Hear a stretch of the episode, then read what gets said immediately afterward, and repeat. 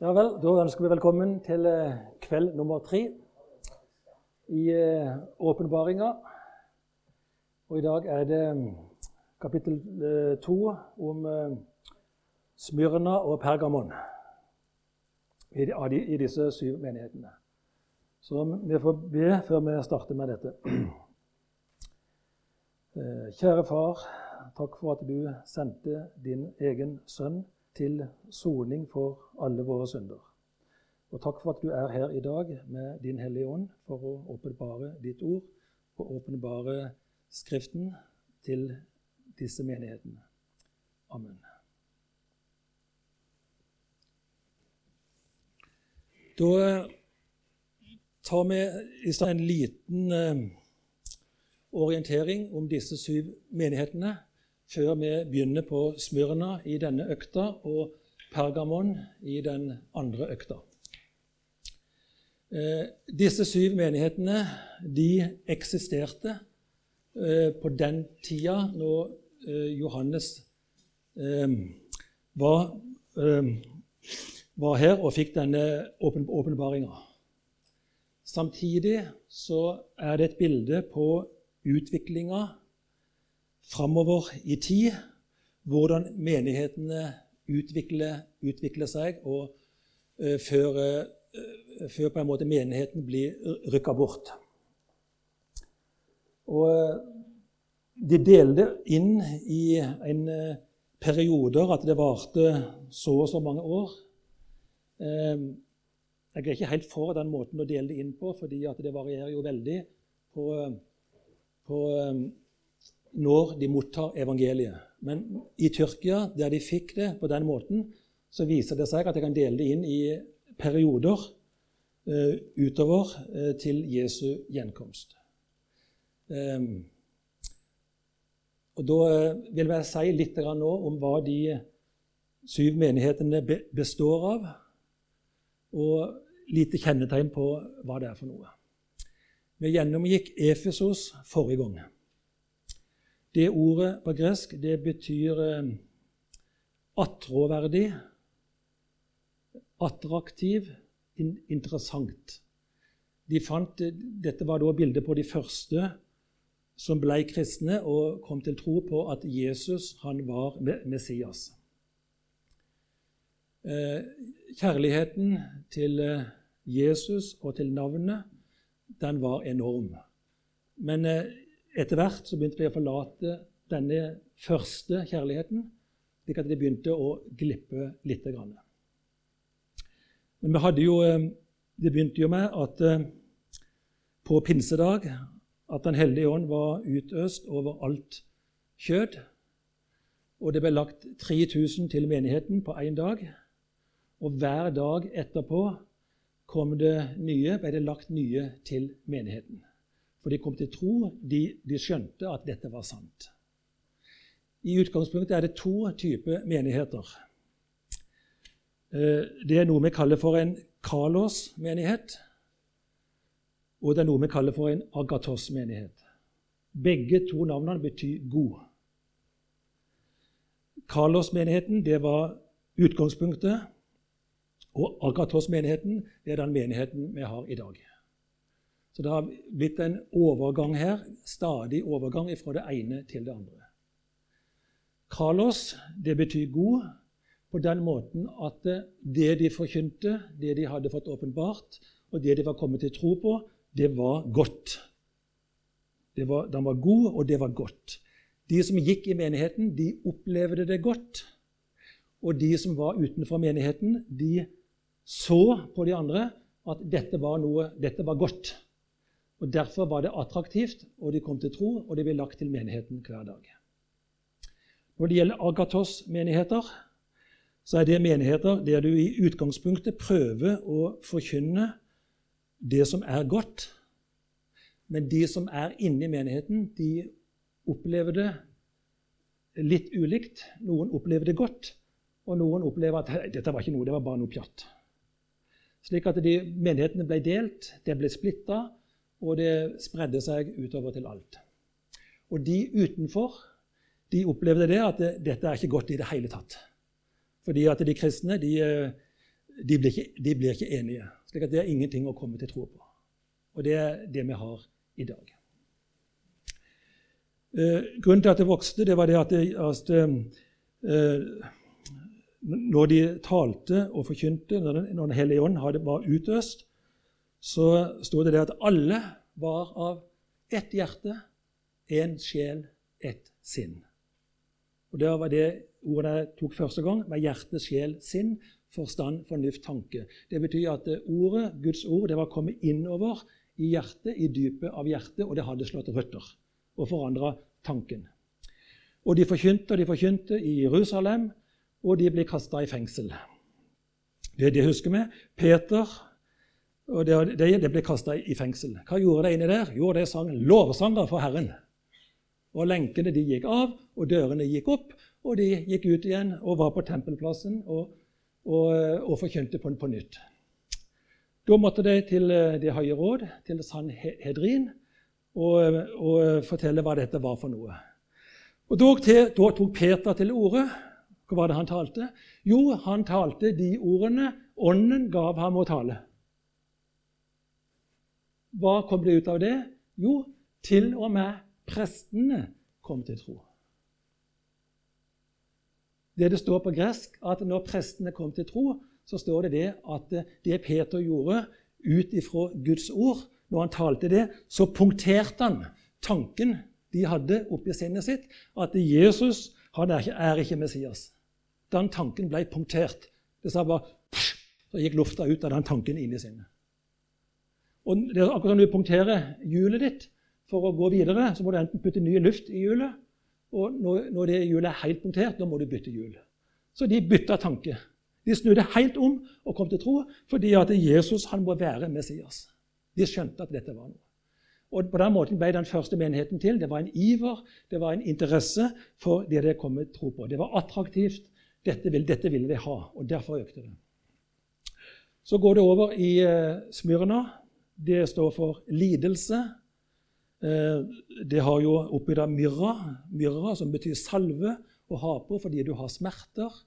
Det var, um, de ble forfulgt. Efesos det ble forelsket i ordet. I, Smyrna da ble de forfulgt fordi de kom til tro på, på Jesus. Så det er, blir da martyrmenigheten. Det blir, det blir Smyrna. Etterpå at det blir forfulgt, og de ble drept De som da ikke ville bli drept og ikke ville bli forfulgt, de ble etter hvert overført videre. De, de ble forført. Og da er vi over i Pergamon. Over at du blir Eh, forført. Pergamon, da tenker mange på at dette er med pergament å gjøre. Det har med skrivekunsten, fordi det var et veldig bibliotek i Pergamon med 200 000 eksemplarer. Og det er riktig, men ordet pergamon har egentlig ingenting med pergament å gjøre. Pergament kommer av ordet pergamon, fordi, fordi det var der det biblioteket var. Og det var det det skrev på. Men eh, pergamon det betyr oppbygd av perga og gamos. Gamon det er bare akkusativ av gamos. Perga det betyr en topp, en høyde, en eh, topp. Det å være på toppen, det å lede, det å sitte på tronen. Det det er ordet perga. Og gamos det er bryllup. Det har vi jo. Gami. Altså Vi har monogami, vi har pologami, og her har vi pergogami.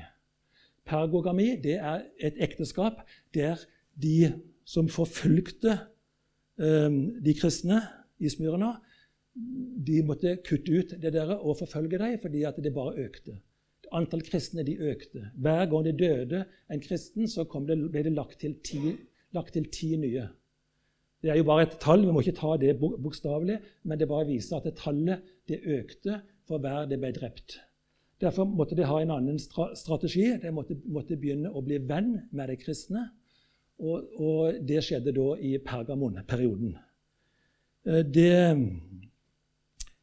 eh, det, de, det de gjorde da, altså det ble forført Vi hører etter hvert nå at det her er da her er Satans trone, der hvor Satan har sin trone, det er Bergamon. Så det er et, på en måte et ekteskap mellom menigheten og Satan.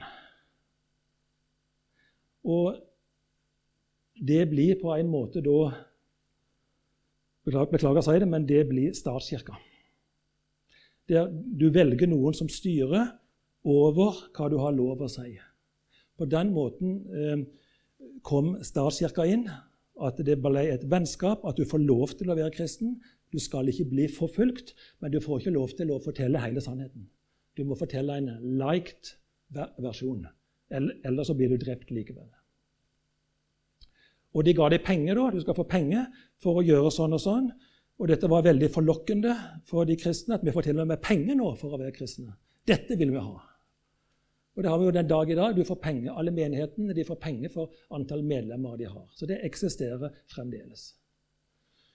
Tyatira, det blir eh, for, forfalsket. Eh, vi har altså forelsket. Så har vi at du blir forfulgt. Så blir du forført. Og så blir, du, blir det du hører, det du, det du forkynner, det blir forfalsket. Og det er tyatira. Og det, Ordet tyatira betyr egentlig gjentagelse. Det, det, det betyr at det, det, var ikke nok, det Jesus gjorde på korset. Derfor må han gjenta det om igjen og om igjen og om igjen. Og om igjen. Og I det, den menigheten der, Tyatira, der har vi, det er et bilde på katolikkene. De har jo et gjentagende offer. Når de går til nattverd, så er Jesus til stede der om igjen og om, om igjen, og at han gir blodet sitt på nytt. Det er katolikkene blant, blant annet. Tyatira, gjentagende offer. Den der TTR-lyden den har vi også på norsk. Vi har den i teater. Tyatira, teater. Det er samme, samme eh, språket, på en måte. Det, samme, det kommer av det samme. Hva skjer på, en, på, et teater når du går der kveld etter kveld etter kveld? Jo, de gjentar forestillinga si. Om igjen, om igjen, om igjen. om igjen. Der er ordet teater. Det kommer av tyatira. Det var Efesos, Smyrna, Pergamon, Tyatira. Så har det blitt veldig gale her. Nå finner vi ut at nå må vi gjøre noe. Nå må vi snu det og komme tilbake igjen til der det begynte. Og da er vi inne på Sardes. Sardes betyr 'den lille rest'. Det, det bitte lille. Og Det bruker vi jo på norsk. Vi har noe vi spiser på en liten boks som heter sardiner. Jeg liker det veldig godt. Sardiner.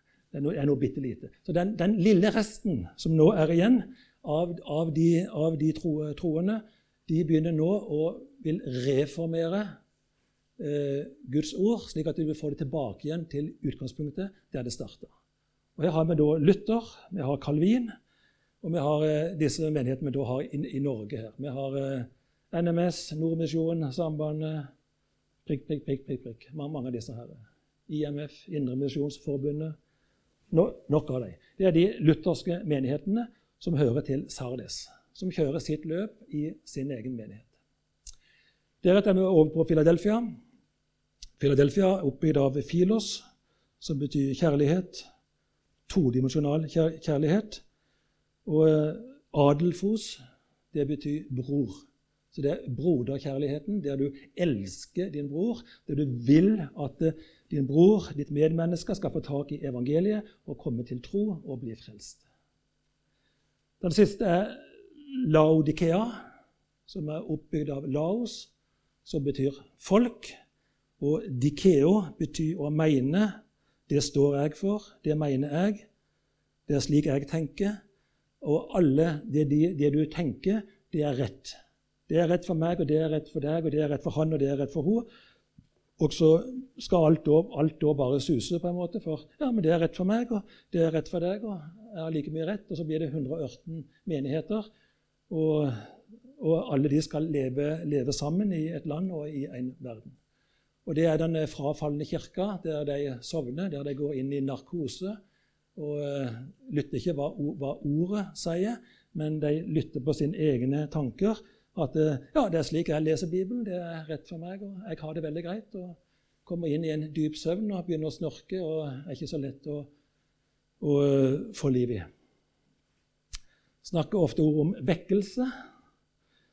og Det blir brukt feil. Vi snakker om at eh, vi må lage til møter og forkynne slik at de utenfor de blir vekt opp. Det er jo helt feil. Vekkelse det handler om at de kristne må bli vekt opp. Når en ikke-kristen blir kristen, det er ingen vekkelse. Du kan ikke vekke en person som ikke er født. Først må du bli født. Og det å bli født på ny, det er å ta imot Jesus. Det var det vi hadde med Nicodemus, at han kom og sa dette, hvordan skal jeg arve Guds rike, hvordan skal jeg bli frelst? Jo, du må bli født på ny. Du må bli født av vann og ånd. Så du må bli en ny skapning. Så det er den nye skapningen, den blir født. Og når du er født og ikke gjør det du egentlig er, er her for å gjøre, da må du ha en vekkelse. Du må bli vekt opp for å, å kunne gjøre dette. Veldig kort orientering. Nå skal vi se på hver av disse menighetene i uh, tur og orden. To av disse nå i dag. Og så skal vi se på dette her. Og da vet dere det, at jeg må ha noe sånt. Det er det som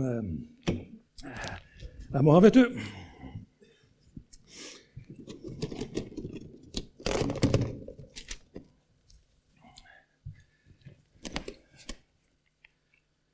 Det må man ha, vet du.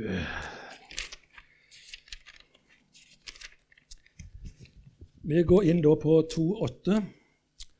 Gjennomgikk forrige gang 2.1-7, som var med e- e- Efesos.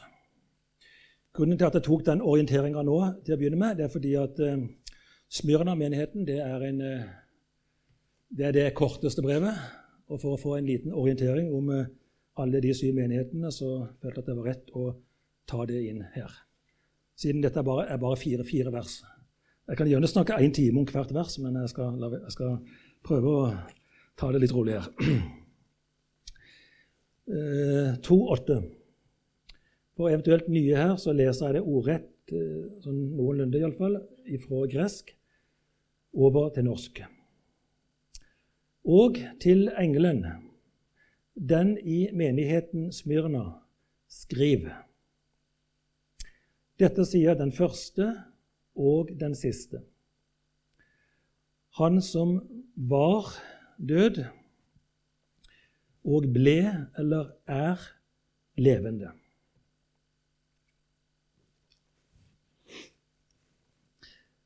Det står at han var død, men det er klart han, altså han, han ble død, egentlig. Det er ikke en vanlig form for var. For Døden kunne ikke holde på han. Han gikk jo ned i dødsriket og, og forkynte for de som var der. slik at det, eh, Han hadde en fysisk død her på jorda, men det livet han hadde, det vi kalte foregang for zoe-livet, det, det, kan ikke dø. Men han, han, døde da på en måte fysisk ifra kroppen sin når han hang der på korset. Så det er ikke noe mer å egentlig si om det. Vi bare går videre på 2.9. Jeg vet om dine gjerninger og trengselen din. I ordet trengsel så ligger det på en måte sånn skjulte ord, akkurat som det ligger i hjertet. At inni hjertet ligger det hjerte, sjel, sinn, forstand, fornuft, tanke. Så inni ordet trengsel her så ligger det ordet vanskeligheter. Altså Du kommer i vanskeligheter fordi du har trengsel. Denne vanskeligheten den fører til at du kommer i nød. Og når du kommer i nød, så kjenner du på at du får en angst. Men du veit hva du tror på, og, hva, og hva, hva, du vil, slik at du som kristen da, du bryr, deg ikke om det. Jeg vet om dine gjerninger og trengselen din, det var de ordene jeg sa nå, og fattigdommen din. Men rik du er. Og blasfemien. Vi kan nå oversette det med spotten din eller latterliggjøringa di fra dem aktiv siende seg jødisk å være, men ikke er det. Men de er en synagoge, Satans. Det betyr at det er Satan som på en måte har sendt deg til eh, Smyrna for å på en måte begynne å forfølge disse, slik at de skal på en måte kutte ut den sterke troa de har. De skal nå begynne å tømme ut på en måte det de har kommet til, til tro på. Dette med fattigdom her, det er litt interessant. interessant. Det er, er to ord for det å være, å være, fattig. Det er et ord som heter ptochos, Det er et vanskelig ord. Begynner på PT. Jeg har veldig, veldig vanskeligheter med det der. PT. Ptochos. Ptochos. Og noe som heter panes. Eh, panes det står for relativ fattigdom. Og ptochos det står for absolutt fattigdom.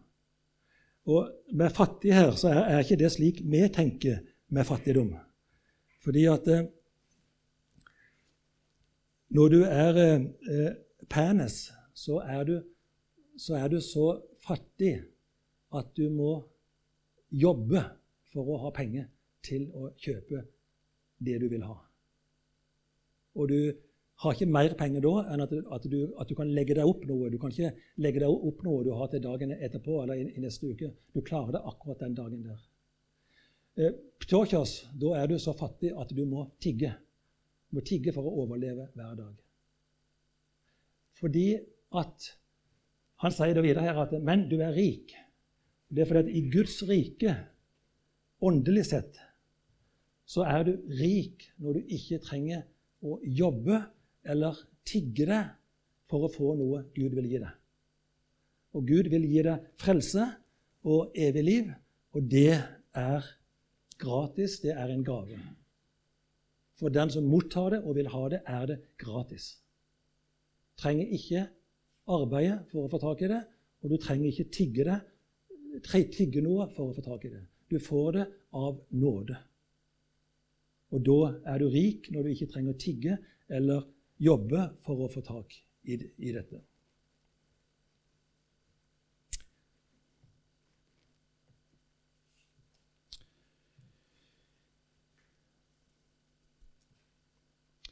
Det var eh, i, i Smyrna så eh, den blir, den blir kalt for Asias pryd eller eh, blomst eller krone. Det var kanskje den vakreste av disse syv menighetene. Det var veldig flott der.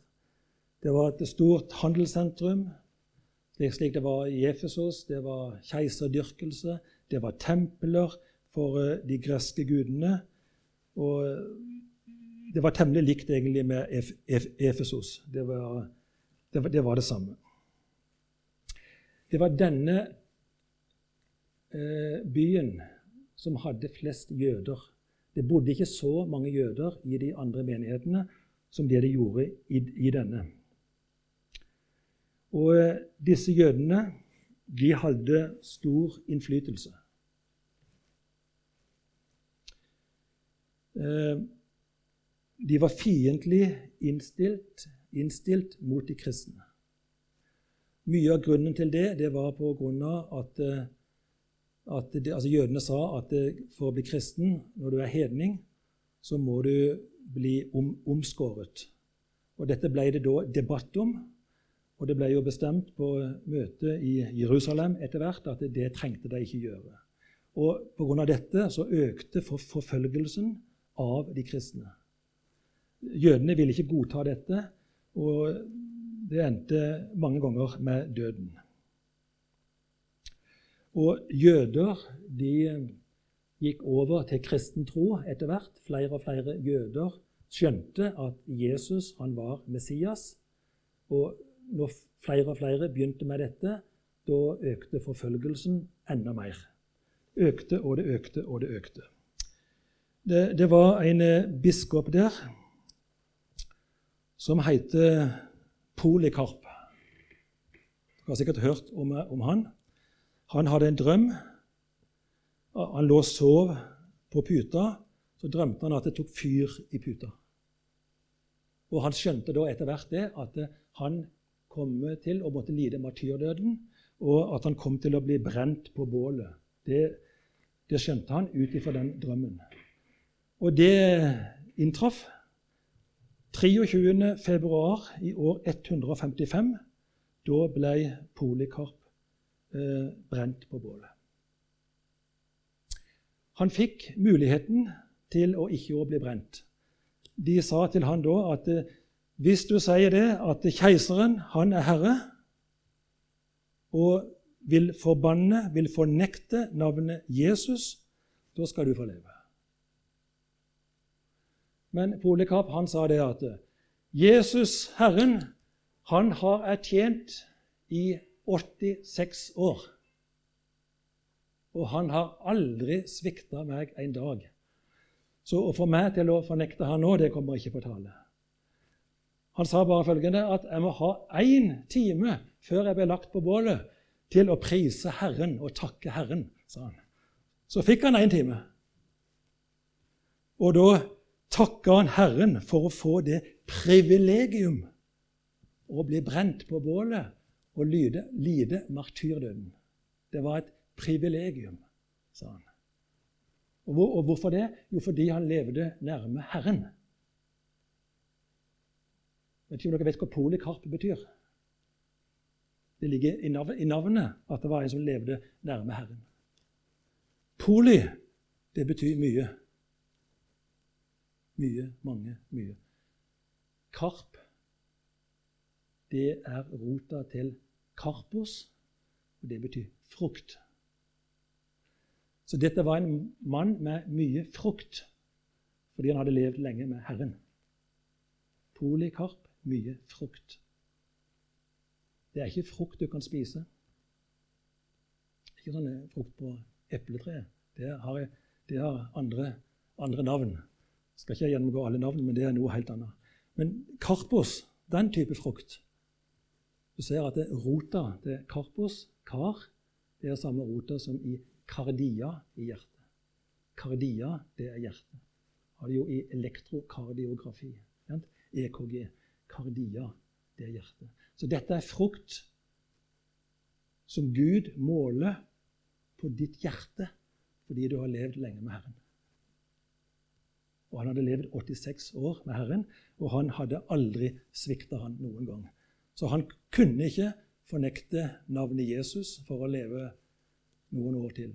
Han hadde levd med Herren i 86 år, så han var sikkert nærmere 100 år, Polikarp, når han døde i år 155.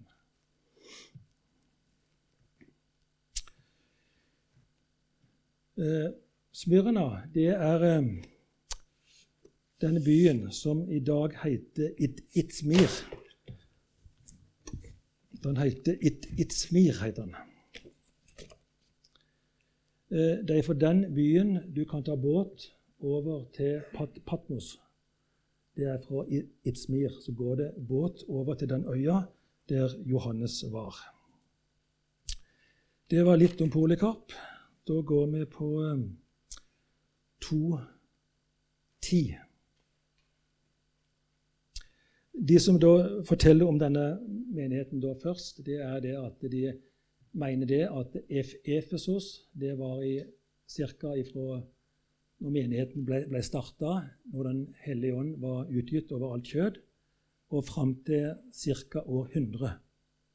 Og fra år 100 til år 313 da er det den perioden i Tyrkia som ble eh, regna for eh, Smyrna-perioden, med stor forfølgelse og veldig mange martyrer.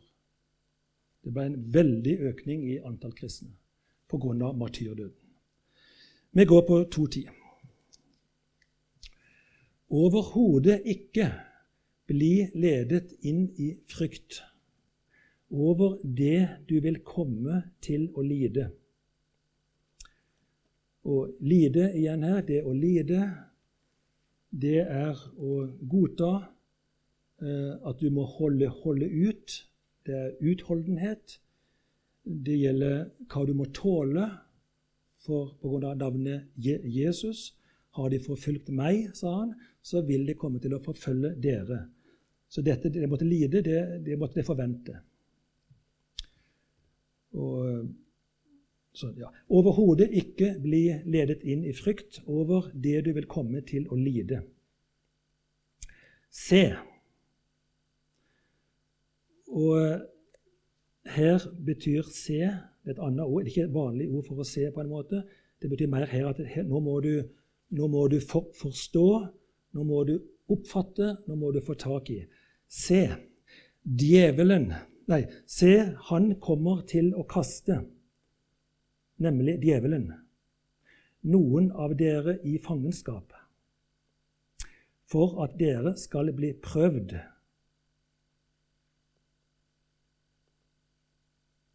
Og dere vil komme til å ha trengsel,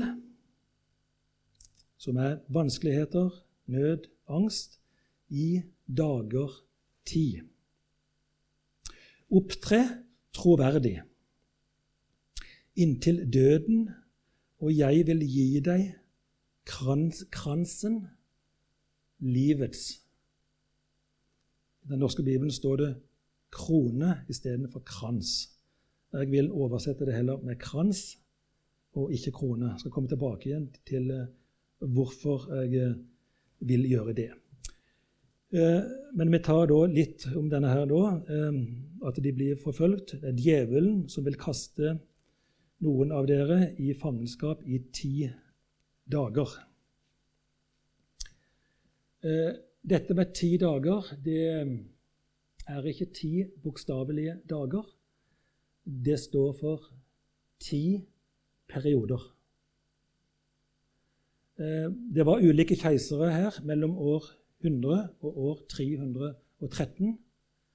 Eh, noen keisere var veldig harde innimellom, og andre keisere var litt snillere med de kristne. Så derfor, derfor hvor mye de blir forfulgt, det varierte litt, avhengig av hvem det var som var keiser.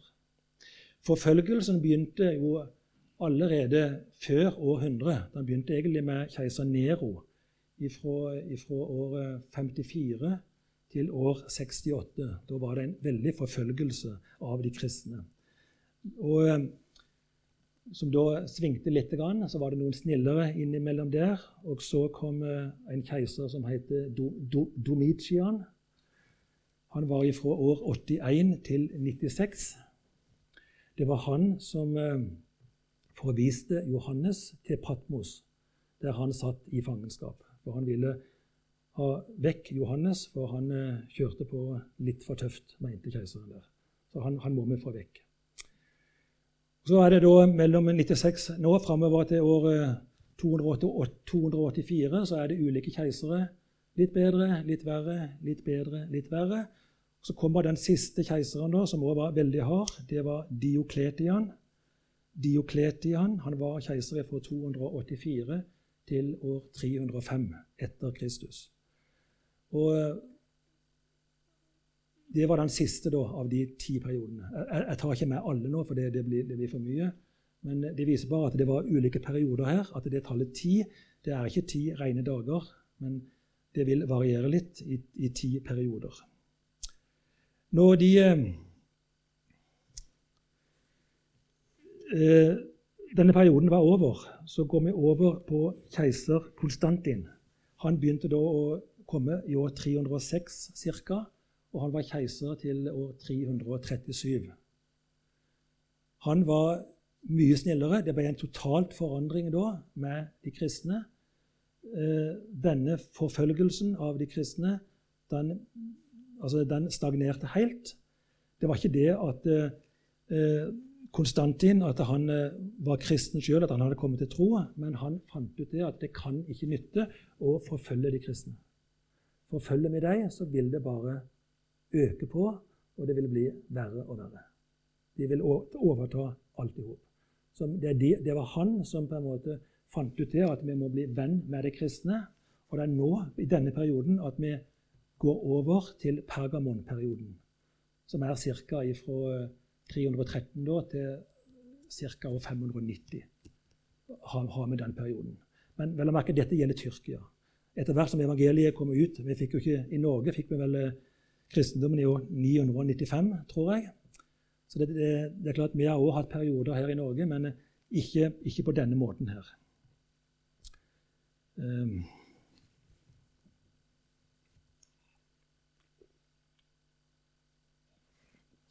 Så nå er vi da over på en måte Etter keiseren så er vi over den verste perioden med at de kristne blir forfulgt, og at det bare øker og øker og øker. Det ble veldig mange kristne for hver martyr de hadde. De, de sier at det var ti, men det er klart det er bare et, et symbolsk tall. Det viser bare det at det var veldig mange. Det var litt avhengig av eh, hvem denne personen var som var villig til å gi livet sitt pga. sin tro og bli martyr. De, de, påstår det at det var over 100 som kom til tro når Polikarpene ble brent på bålet. Men eh, det er bare tall. Jeg, jeg, kan ikke si at dere er, er rett. Jeg eh, vet ikke. Videre her så står det det at eh, de skal få en krans eller en krone. Du skal opptre troverdig inntil døden, og jeg vil gi deg kransen livets. Eh, det er eh, to ord selvfølgelig da på gresk. Det er flere ord, men det er to hovedord for krans og krone. Begge ordene betyr krone. Det er, er riktig, det. Men eh, det ordet som er brukt her, som heter Stefanos Vi hadde jo tema inn i eh, apostlenes gjerninger som heter Stefanos. Han har dere hørt om. Det, det, det, betyr krans eller krone. Men det er en krone på en måte, eller en krans du får når du har seira. Altså når du har kommet til tro på Jesus og fått del i en seier som han har vunnet på korset. Så du, du, sier at vi blir kronet med rettferdighet. Paulus skriver jo om eh, at du skal bli rettferdiggjort, du skal bli helliggjort, og du skal bli hellig, eh, herliggjort. Så, så denne, det blir på en måte et, tre stadier. Så du, du, får kranser her på en måte. Du får en krans som består av rettferdighet. Du får en krans av at du er erklært hellig, hellighet. Og du vil etter hvert få en sånn eh, herlighetskrans. Det er ikke den krona som, eh, en, uh, som en konge har, eller som Jesus har. Det ordet, Når det er en kongekrone, så heter det dia, diadema eller diadema. Og det, det, ordet er ikke brukt her. Så det er ingen kongekrone. Det er bare en krans du får. En diadema eller diadema det er en kongekrone du har på grunn av noe du er. Altså Jesus han er konge, så han har ei kongekrone. Han har en diadema. En konge i et land, han er konge i landet. Han har en diadema. Han er konge. Men Stefanos, en krans eller krone her, det er ikke noe du har fordi du er noe. Det er, det er noe du får fordi du har blitt en ny skapning i Kristus.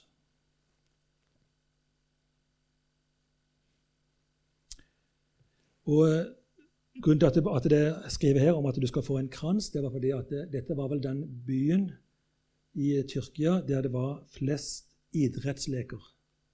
Akkurat som vi har OL, olympiske leker, i dag, så var det veldig masse idrettsleker i, eh, i Smyrna.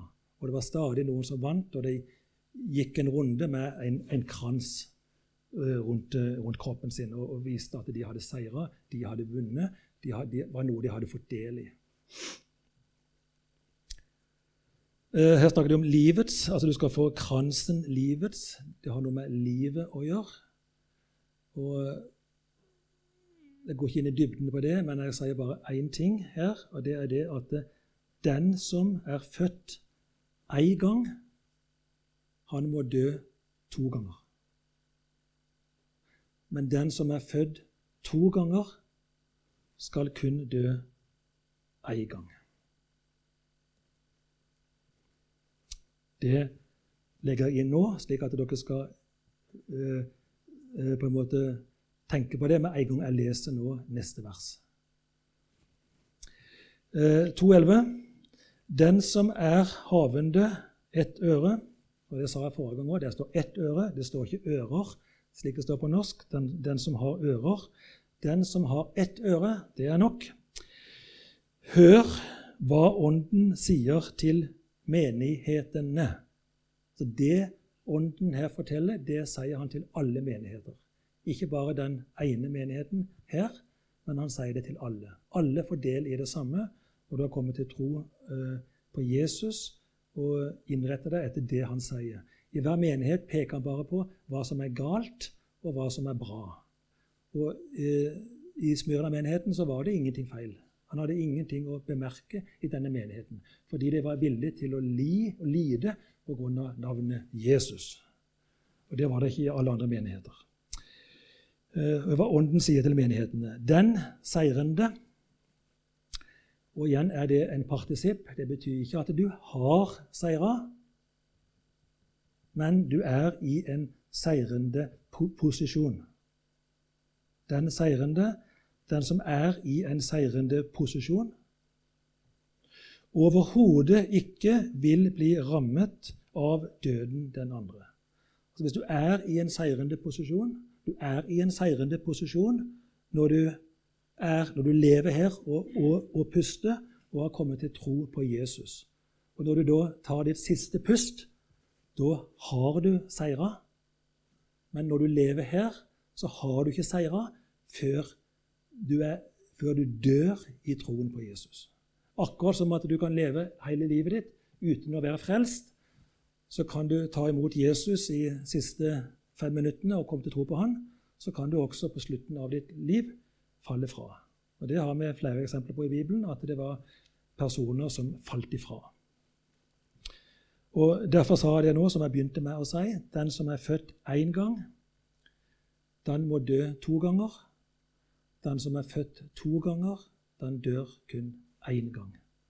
For her står det her at den, ikke, den vil ikke bli rammet av den andre død. Jeg nevnte det forrige gang her, det var den første økta jeg hadde, at eh, død det heter thanatos. Vi har det i ordet eutanasi, eutanasi, god død. Verbet å dø det heter tnesko. Og delte på en måte området hvor vi er, dette er inn i tre. Apo-planet, Rekk-planet og Ana-planet. At Gud Faderen han er på Apo-planet, Den hellige ånd er på Ekk-planet, og Jesus han kom ned på Ana-planet, der menneskene lever nå. Og det å dø den første døden det er at eh, din pust blir tatt ut igjen av kroppen. Den pusten eh, Gud blåste inn. Gud blåste, Han tok sand, jord, moll. Så skapte han Adam.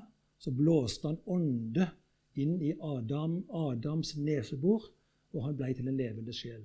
Så han ga han pusten, slik at han kunne puste og, og leve. Og da tilhører du anaplanet, det området her hvor menneskene lever. Og når, når, vi da dør, så tar han pusten tilbake igjen, slik at du puster ikke lenger, og så, så dør du vekk fra anaplanet. Derfor heter det den døden, den første døden, det heter anatnesko. Men å dø bort ifra Guds rike, som han Jesus kom ned for å kjøpe oss tilbake igjen til anaplanet eh, det var det jeg sa første gang. Anastasia. Det var du hadde din status, stilling, posisjon. Vekke i apostasia. Du hadde det vekke fra apoplanet, slik at du tilhører ikke Gud pga. syndefallet. Apostasia, frafall. Så kom Jesus ned i en kata-funksjon, der han kom ned og satte seg i midten som mellommann. Så fikk vi et nytt ord som heter apokatastasia, som betyr gjenopprettelse.